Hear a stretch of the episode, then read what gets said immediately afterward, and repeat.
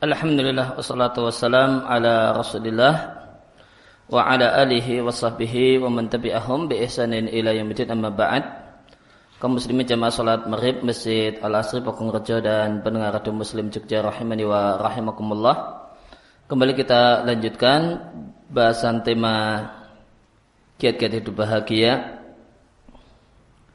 dengan membaca tambahan penjelasan dari Dr. Yusuf Al-Huzaim. Sebelum kita lanjutkan eh, berkenaan dengan halaman 108 di paragraf atas maka eh, inna silata aizwatun itu bacanya aizwatun wa wujudun wa rabtun bainaka wa baina madil abai wal ajdadi Sesungguhnya silah menjalin hubungan kekerabatan adalah izwah adalah hubungan wujudun dan keberadaan warabtun dan hubungan antara dirimu dengan e, madil abai wal ajdad bapak dan kakek masa silam yang menjadi penghubung antara seorang dengan keluarganya.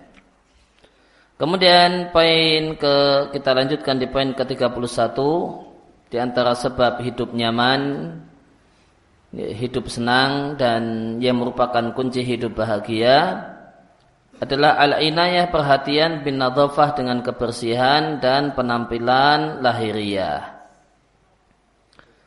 Ya, sabata ter, uh, satu hal yang terbukti bahasanya kebersihan badan dan tampilan lahiriah itu akan memberikan kepada seseorang tampilan bahagia dan gak bahagia. Kita lihat orang itu, menurut kita orang itu hidupnya susah dengan tampilannya. Dengan tampilannya. Maka kita menebak, oh ini hidupnya susah, ini menderita dari tampilan luarnya. Kama yudkhilu surur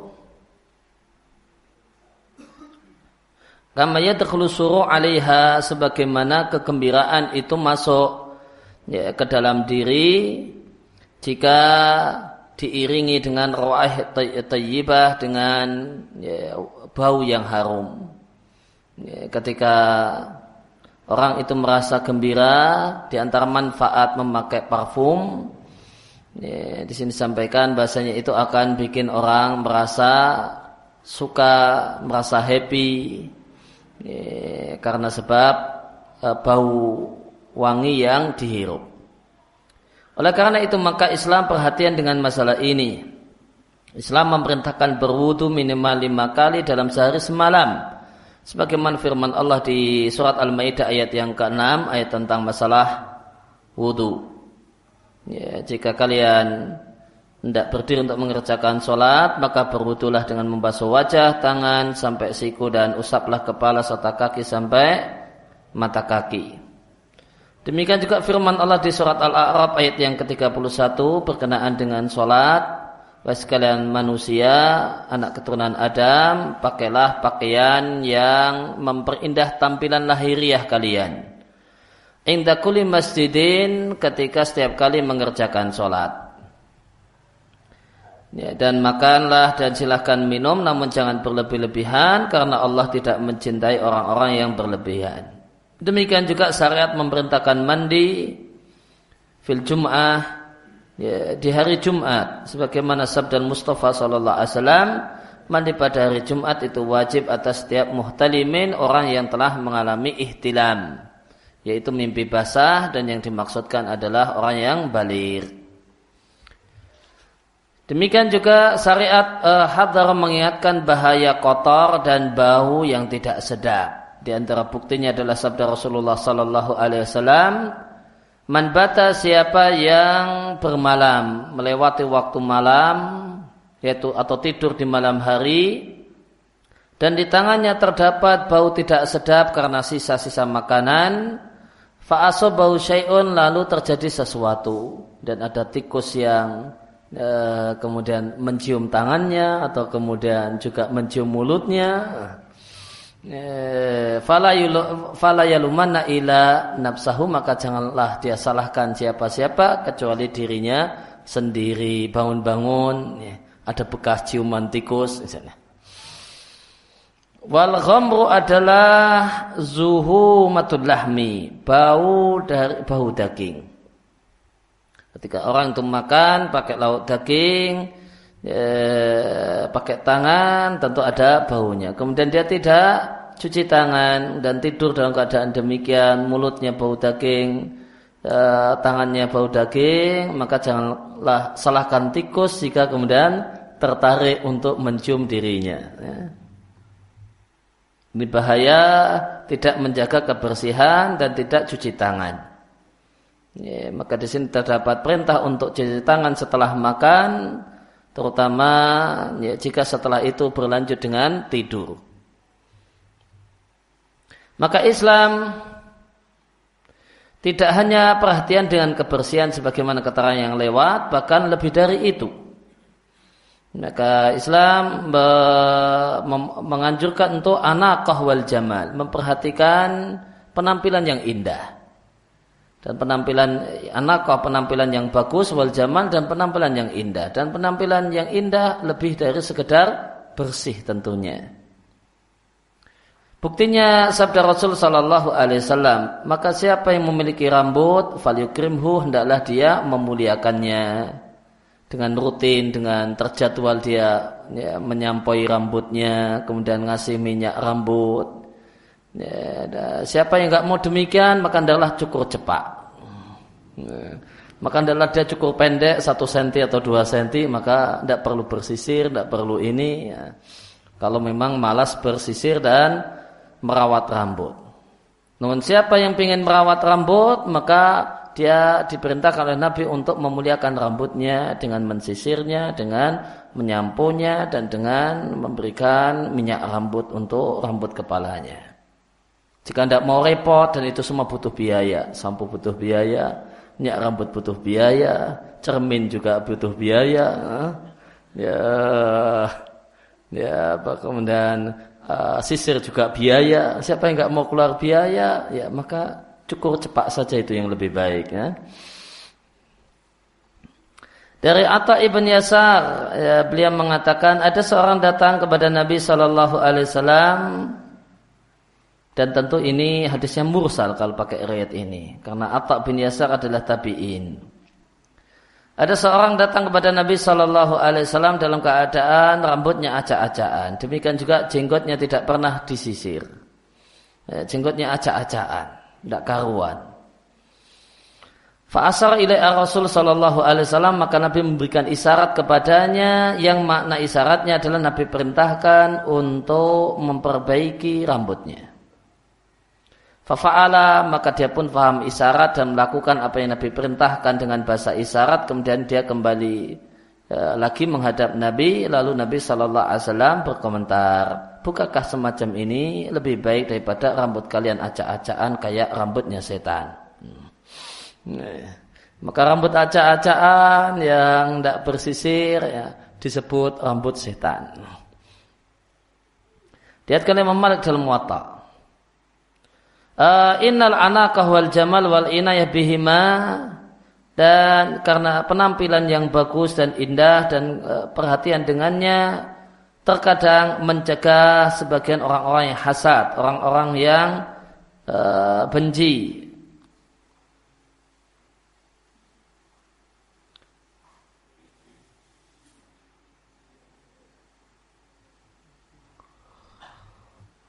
Maka itu mendorong maaf, uh, maka sebenarnya perhatian dengan masalah uh, tampilan yang bagus dan indah dan peduli dengannya mendorong sebagian orang yang hasad, orang yang dengki dan orang yang tidak suka kebersihan.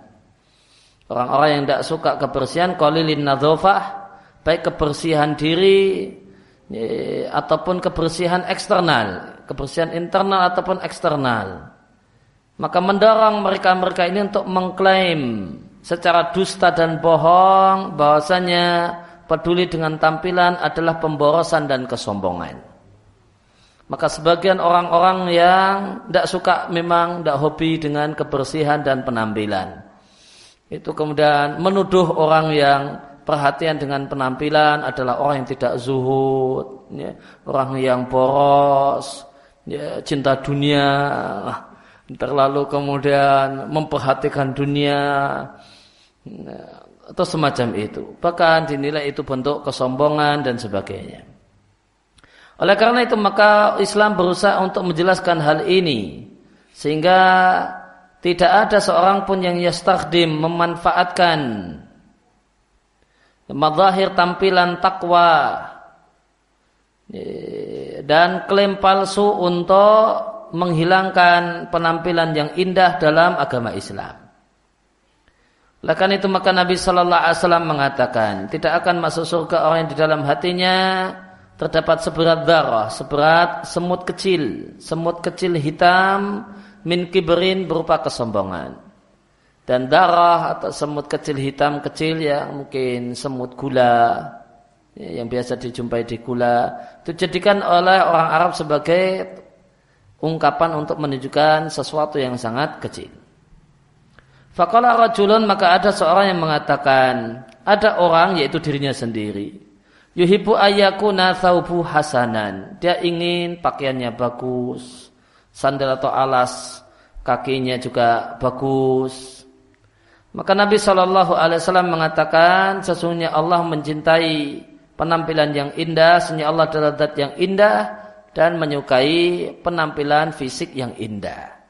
Lihatkan oleh Muslim. Dalam riwayat yang lain, ada seorang yang datang menemui Nabi Shallallahu Alaihi Wasallam dan dia adalah seorang yang tampilan lahiriahnya indah. Fakal lalu dia mengatakan, Wahai Rasulullah, sebenarnya aku adalah seorang yang hubbiba ilayya al jamal. Orang yang ya, suka dengan tampilan yang baik, tampilan yang rapi dan indah. Wa utitu minhu matara dan aku diberi kemudian keindahan lahiriah sebagaimana yang kau lihat. Dia nampak kemudian betul-betul ganteng, cakep kalau ya, dengan tampilan lahiriahnya. Hatta ini ma'uhibu ayu ayyafuqani ahadun. Sampai-sampai aku tidak suka ada orang yang lebih bagus tampilan lahiriahnya daripada diriku. Aku tidak suka kalau ada orang yang sisirannya lebih bagus daripada sisiranku kan ya. Ahadun imma uh, dia mengatakan dia lebih unggul dalam masalah tali sandal atau dia mengatakan bisa sinakli sama tali sandal. Dia tidak ingin kemudian ada orang yang sandalnya lebih bagus daripada lebih bagus daripada dirinya. Lebih rapi, lebih bagus, lebih bersih daripada dirinya.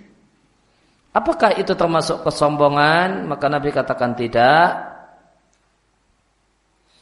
Karena kesombongan adalah menolak kebenaran dan merendahkan manusia. Ini diatkan oleh Baihaqi dalam Su'abul Iman. Maka sesungguhnya kebersihan badan dan tampilan lahiriah itu akan jadikan Anda diterima oleh diri Anda sendiri. Karena orang juga nggak suka dengan kejutnya badannya sendiri. Apalagi orang lain. Wanasan orang lain. Orang lain pun merasa happy, gembira kalau dekat-dekat dengan orang yang tidak kecut badannya, tidak bau penguk pakaiannya. Fannasu majbulatun ala hubil jamal. Maka manusia itu punya fitrah majbulah. Punya fitrah untuk suka dengan tampilan yang indah. Wahada mimam yuhakik laka intiba' ya, ketika dengan tampilan lahiriah kita itu diterima oleh lingkungan. Maka hal ini yuhakik akan mewujudkan untuk anda al-intiba' watak yang mumayis yang istimewa yang istimewa beda dengan yang lain demikian juga karena tampilan lahiriah yang bagus kemudian diterima oleh lingkungan maka itu akan mendorong akan mendorong pada diri anda asikah percaya diri. Ya, maka orang itu percaya dirinya hilang hilang PD ketika ya, bau keringat ya, ketika bau apek. Nah dan dia lihat orang-orang pada tutup hidung ketika berada di dekatnya. Ya, maka tentu PD-nya itu hilang semua. Warida dan ridha Wala tahta dan anda uh, tidaklah perlu supaya kami bawakan untuk anda semua dalil tentang masalah ini. Cukup dalil-dalil di atas yang dibawakan itu sudah mencukupi. Fahada mujarabun bil dan ini manfaat tampilan lahiriah yang bagus bagaimana di atas itu mujarab. Ini, mujarab dalam bahasa kita terbukti di dataran realita dan bisa kemudian malmusun dan bisa disentuh artinya ya, terbukti nyata.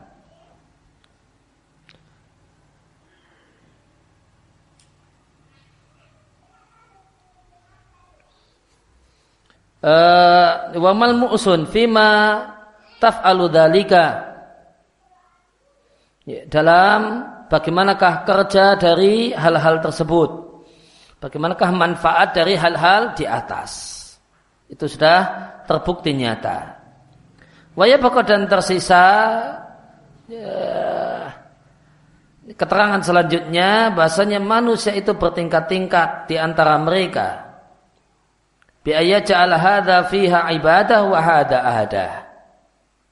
Dan manusia bertingkat-tingkat dalam masalah memperhatikan tampilan lahiriah. Ada yang menjadikan itu sebagai satu hal yang bernilai ibadah karena dia melakukan hal di atas karena dengan pasang niat mengamalkan hadis Nabi Shallallahu Alaihi Wasallam. Maka ada orang yang bersisir menyam, e, ngasih sampo untuk rambut kepalanya itu ada yang nilainya ibadah. Karena niatnya mengamalkan hadis Nabi Shallallahu Alaihi Wasallam. Wahada ada adapun orang orang yang lain maka menjadikannya sekedar ada sekedar perbuatan biasa yang tidak ada nilai akhiratnya. Kenapa? Karena kenapa bersisir? Ya, pingin sisiran gitu saja. Ya, kenapa kemudian sampo? Ya, ini sudah seminggu kalau nggak sampoan penguk gitu ya.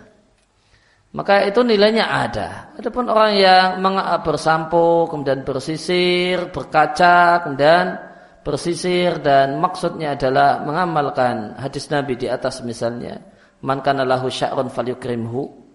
Ya, maka apa yang dia lakukan itu nilainya ibadah berpahala. Ya maka inilah bedanya orang yang ngaji dan nggak ngaji gitu ya. sama-sama bersisir yang satu dapat ganjaran yang satu tidak dapat ganjaran. Ya, sama-sama bersampu yang ini tidak dapat ganjaran yang itu dapat ganjaran. Kenapa? Ini orang ngaji itu tidak pernah ngaji ya. maka perbuatannya sama namun nilainya berbeda karena ini tahu dan itu tidak tahu. Wa yukhadu ala annahu yutridul kasla wal khumula.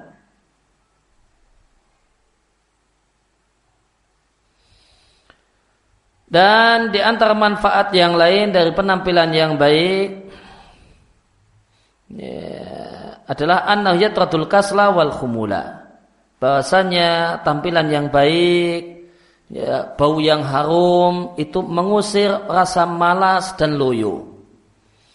Orang lebih energik karena badan segar habis mandi, ya, kemudian ya, kemudian harum badannya, harum pakaiannya itu lebih energik daripada yang ya, tidak seperti itu.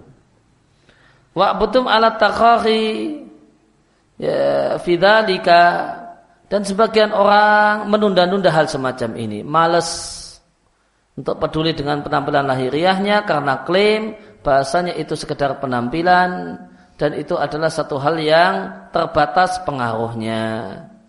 Satu hal yang sedikit manfaatnya.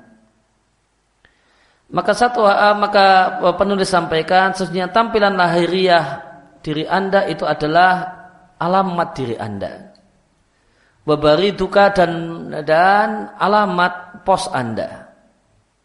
Maka orang itu menilai dengan tampilan lahiriah. Orang menilai dengan tampilan lahiriah. Kalau orang itu kemudian tampilan tampilan lahiriahnya mantap, wah, kesan pertama lain dengan orang yang tampilan lahiriahnya itu meragukan. Itu kesannya berbeda. Fahtam bihi maka perhatikanlah dengannya namun bukan karena manusia namun karena kepentingan pribadi Anda, kepentingan sosial dan boleh jadi kepentingan bisnis. Tentu kalau ada kepentingan bisnis, kita urusan bisnis, tampilannya apek, bau, macam-macam. Itu yang minat untuk invest, sehingga minat untuk invest. Kan? Namun kalau orang tampilannya baik, nah, orang akan kemudian nyaman. Itu di antara tentu satu hal yang manfaat. Kemudian disampaikan uh, perkataan Muhammad Al-Ghazali rahimallahu taala Bahasanya keperhatian Islam dengan masalah kebersihan, kesehatan adalah bagian dari perhatian Islam terhadap kekuatan kaum muslimin secara materi ataupun non materi. Fahuwa maka Islam ya tatalab menuntut adanya kaum muslimin agar memiliki badan yang sehat mengalir di pembuluh-pembuluh darahnya darah yang sehat. Dan yang talik penuh orang-orangnya dengan futuwah energik wanasyatan dan semangat. Karena badan yang kurus kurus karena tidak sehat bukan bukan karena kurus yang memang itu jatahnya kurus tentulah tutiku ibaan tidaklah mampu diberi beban.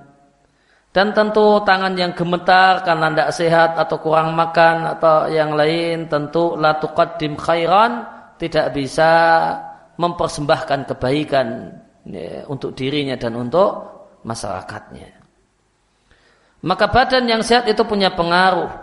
Bukan hanya dalam salamatit tafkir, cara berpikir yang sehat semata, bahkan tafaulul insan punya pengaruh dalam optimisnya manusia. Optimis hidupnya dalam memandang kehidupan dan memandang orang lain. Dan misi Islam terlalu luas dalam targetnya dan terlalu keras dalam eksistensinya. Min antahya fi ummatin murhaqah.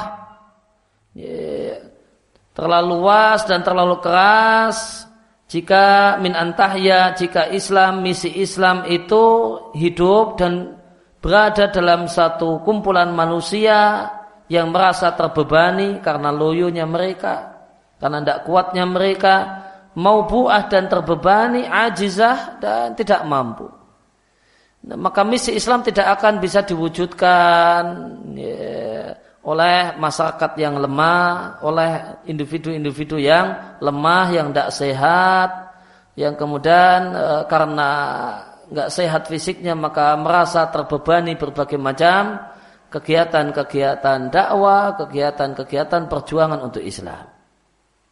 Oleh karena itu maka Islam memerangi sakit dan dan meletakkan penghambat dan meletakkan penghambat Eh, di depan ya, kuman.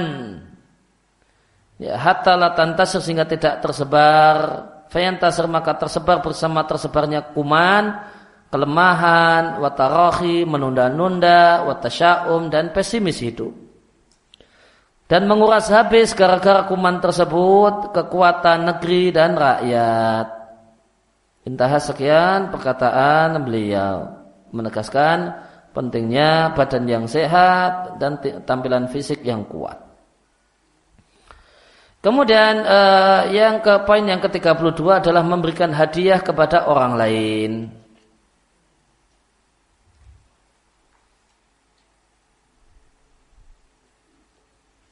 Al-hadiyah maka hadiah adalah sarana likas bil adu wal mukhalif wa tahyidihi adalah sarana untuk ya, menarik simpati musuh orang yang tidak cocok atau membelokkannya membelokkan permusuhannya. Kama hiya ta'zizun sebagaimana hadiah itu menguatkan ya, spirit cinta dan persahabatan.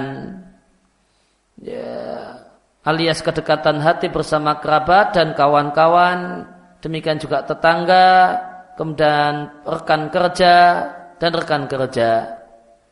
Demikian juga hadiah, hadiah itu pada waktu yang sama dia juga menghilangkan kebencian, wasyahna dan ya, permusuhan yang terpendam walhanat watadammurat ya, hanat maknanya mungkin bencana yaitu bencana dalam artian ingin menimpakan bencana pada orang lain karena permusuhan. Watadammurat dan menggerutu minal kulub dari hati. Inabak dalam sebagian orang memiliki kecerdasan sosial, zaka istimai. Kecerdasan sosial. Oleh karena itu maka dia berikan sesuatu yang sedikit yang tidak membebani. Akan tetapi dengan sentuhan penuh emosional.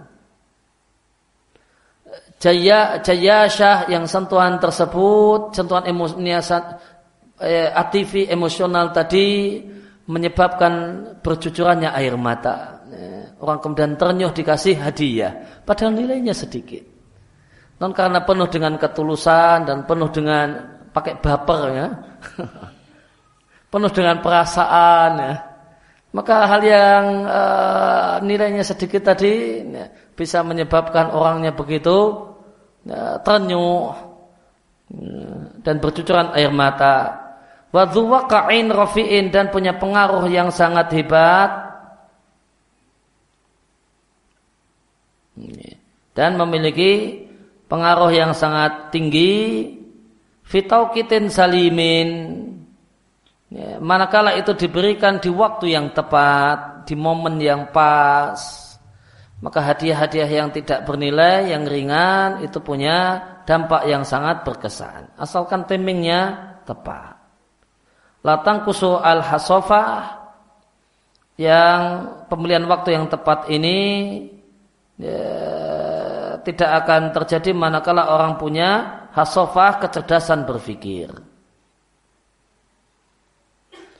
Berkenaan dengan manfaat hadiah maka Al Mustafa Muhammad Sallallahu Alaihi Wasallam mengatakan tahadu tahabu hendaklah kalian saling memberi hadiah niscaya itu akan menimbulkan kedekatan hati antara suami dengan istri antara kawan dengan kawan yang lain antara satu dengan seorang dengan tetangganya dan seterusnya. Sini dikatakan diatkan oleh uh, Abu Ya al Musili ya, dalam musnadnya. Uh, demikian juga di sini diatkan oleh uh, Bukhari di Adabul Mufrad dan Hasan oleh Al Albani.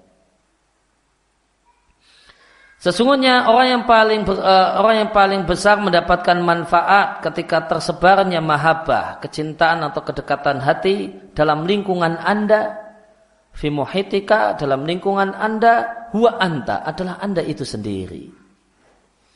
Ketika kita bisa kemudian membangun kedekatan hati dengan lingkungan, maka yang paling bisa mendapatkan manfaatnya bukan orang lain, namun kita sendiri. Kita akan nyaman tinggal di situ, kita akan bahagia. Ya, wa akbal khasirin dan orang yang paling rugi gara-gara tersebarnya permusuhan dan kebencian adalah Anda sendiri.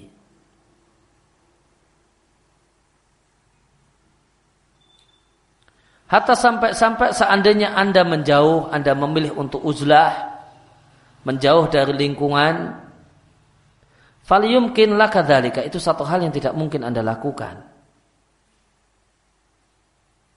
Wa in kabarta meskipun Anda e, memilih untuk sombong ya, dengan kedok mau hidup sendiri dan kehidupan pribadi al khasah maka itu satu hal yang tidak mungkin terjadi. Kenapa? Fal insan istimai bitabaihi. Karena manusia itu adalah makhluk sosial. Jadi adalah makhluk sosial, istimai. Bitabai tabiatnya, watak manusia, karakter manusia adalah bersosial. Tidak mungkin orang itu hidup menyendiri. Hakadha khalaqahullahu demikianlah tabiat yang Allah ciptakan, watak dan karakter yang Allah ciptakan pada manusia.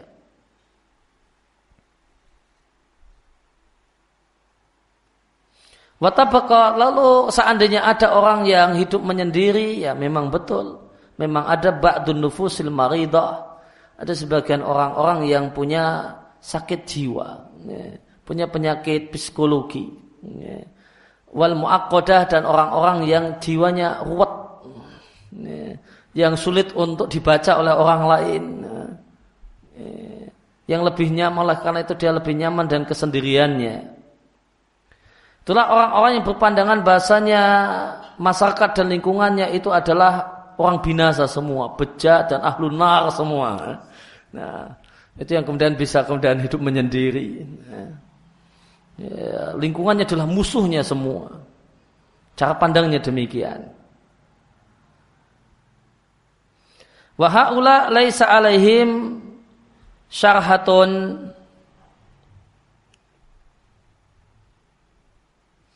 dan mereka-mereka mungkin yang dimaksud mereka-mereka adalah masyarakatnya itu adalah orang-orang yang tidak ada harapan ya, rusak dan tidak ada harapannya ya, mereka ini orang-orang bejat yang tidak ada harapan untuk baiknya ketika orang itu punya cara pandang demikian dan ini adalah penyakit psikologis kata beliau ya, maka itulah orang yang kemudian kuat untuk hidup menyendiri. Fahum adau angfusihim dan mereka ini pada hakikatnya adalah musuh terhadap jiwanya sendiri. Karena jiwa manusia Allah beri tabiat untuk bersosialisasi, bersosial dengan orang lain, membutuhkan orang lain dan membangun hubungan dengan orang lain. Kun rasulan lil mahabbah, maka jadilah anda orang yang ya, menjadi orang yang mengutus dan menebar rasa cinta. Yaitu dengan hadiah meskipun hanya separuh kurma. Maka Allah para nabi dan orang-orang saleh itu ada di barisanmu. Wa in kunta dan jika anda tidak seperti itu anda bukan orang yang menginginkan menebarkan kedekatan hati dengan lingkungan maka tetanggamu adalah setan la muhalata ya, pasti Ya, tidak boleh tidak. Dari Abu Hurairah radhiallahu anhu dari Nabi Shallallahu alaihi wasallam ya, Nabi mengatakan bainama rajulun yamsi bi falatin. Ketika ada seorang berjalan di tengah-tengah padang pasir sahara minal ardi di satu tempat. Lalu dia mendengar suara di mendung. Suara di mendung tersebut dia dengar suara yang mengatakan kepada mendung berikan ya, turunkan hujan pada kebunnya fulan. Maka bergeraklah mendung tersebut lalu dia pun tuangkan airnya fi harrah. Harrah adalah tanah yang biha di tanah tersebut terdapat banyak batu hitam. Faida syarjah min tilka syarat ya, maka tiba-tiba saluran air satu saluran air telah penuh dengan air tersebut seluruhnya Fatataba alma dan air terus menerus turun. Faida rajulun qaimun fi hadiqatihi maka ada kemudian seorang yang berdiri di kebunnya yang dia yahulul ma menggeser air atau memindahkan air dengan semacam tongkatnya. Maka orang tadi kemudian menanyai si pemilik kebun, wahai hamba Allah, siapakah namamu? Maka pemilik kebun menamakan fulan, mengatakan fulan. Dan itu adalah nama yang dia dengar di mendung. Yang dia dengar tadi terdengar dari arah mendung, dari arah atas. Kemudian si pemilik kebun bertanya, Wahai hamba Allah, kenapa engkau tanyakan namaku? Fakal maka si penanya mengatakan aku mendengar suara di mendung ya, Allah dihada ma'hu yang inilah airnya Suara tersebut mengatakan kepada mendung, berikanlah hujan kepada kebunnya fulan. Dan itu adalah namamu. Maka ini tentu ada sebabnya. Fama tasna'u fiha. Apa sih rahasianya? Apa yang kau lakukan dengan kebunmu? Ya, apa yang kau lakukan dengan kebunmu? Fakal maka si pemilik kebun mengatakan, Amma idha tahada.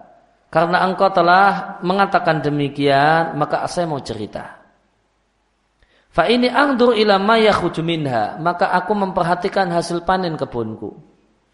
Ketika kebunku panen, maka aku akan amati. Ya, untuk apa? Kemudian aku bagi hasil panenku menjadi tiga bagian. Fa atasaddaqu bithuluthihi. Sepertiga hasil panen ku sedekahkan wa akulu ana wa ayali thulusan. Sepertiganya untuk kebutuhan makan aku dan keluargaku. wa arudu fiha thuluthahu dan sepertiganya aku kembalikan ke kebun yaitu aku jadikan sebagai bibit untuk kemudian bercocok tanam lagi. Nah, hadis ini adalah hadis yang sahih diatkan oleh Muslim. Satu cerita dari Nabi Shallallahu Alaihi Wasallam, Nabi memuji orang yang uh, memanage penghasilannya, memanage penghasilannya. Semua penghasilannya tidak untuk dirinya, namun ada yang dihadiahkan untuk orang lain. Dan ini yang jadi sisi pendalilan. Oleh karena itu dimasukkan di bab memberikan berbagi dengan orang lain. Semua penghasilannya tidak untuk dirinya. Maka ada dia adalah orang yang Nabi memuji orang yang ketika punya penghasilan dia bagi tiga. Ada yang ditabung, ada yang ditabung, dikembalikan untuk pekerjaannya. Ya mungkin bahasa kita untuk nambah modal, ya, untuk kemudian mengembangkan usaha. Ini keuntungan bersih sepertiganya dikembalikan kepada usaha.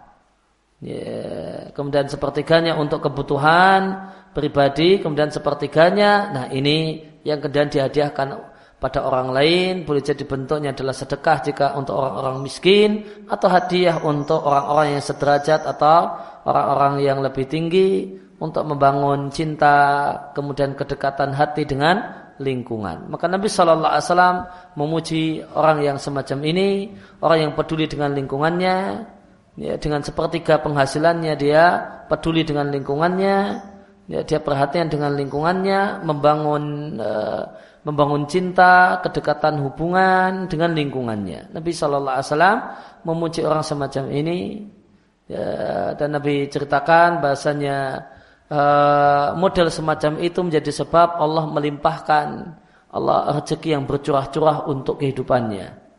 Tidak menyebabkan dia miskin gara-gara sepertiganya dia infakkan ya, penghasilan bulanannya sepertiganya dia sisihkan dan dia infakkan itu tidak menjadi sebab dia miskin namun malah menjadi sebab kebunnya itu banjir air sampingnya kering ya, ya, kebunnya itu berlimpah air sebelahnya ya, sebelahnya itu kering dan tidak dapat air.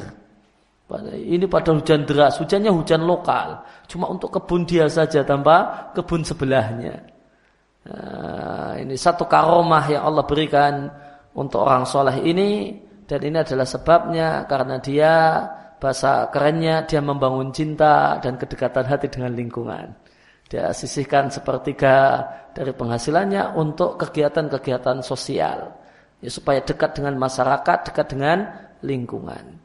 Ya, dia bukan dia adalah seorang yang bekerja, pembisnis, namun pikirannya tidak hanya numpuk duit, memperbesar usaha, usaha, usaha, usaha, tidak, namun ya ada memperbesar usaha, ada untuk uh, keluarga dan ada untuk lingkungan sekitarnya.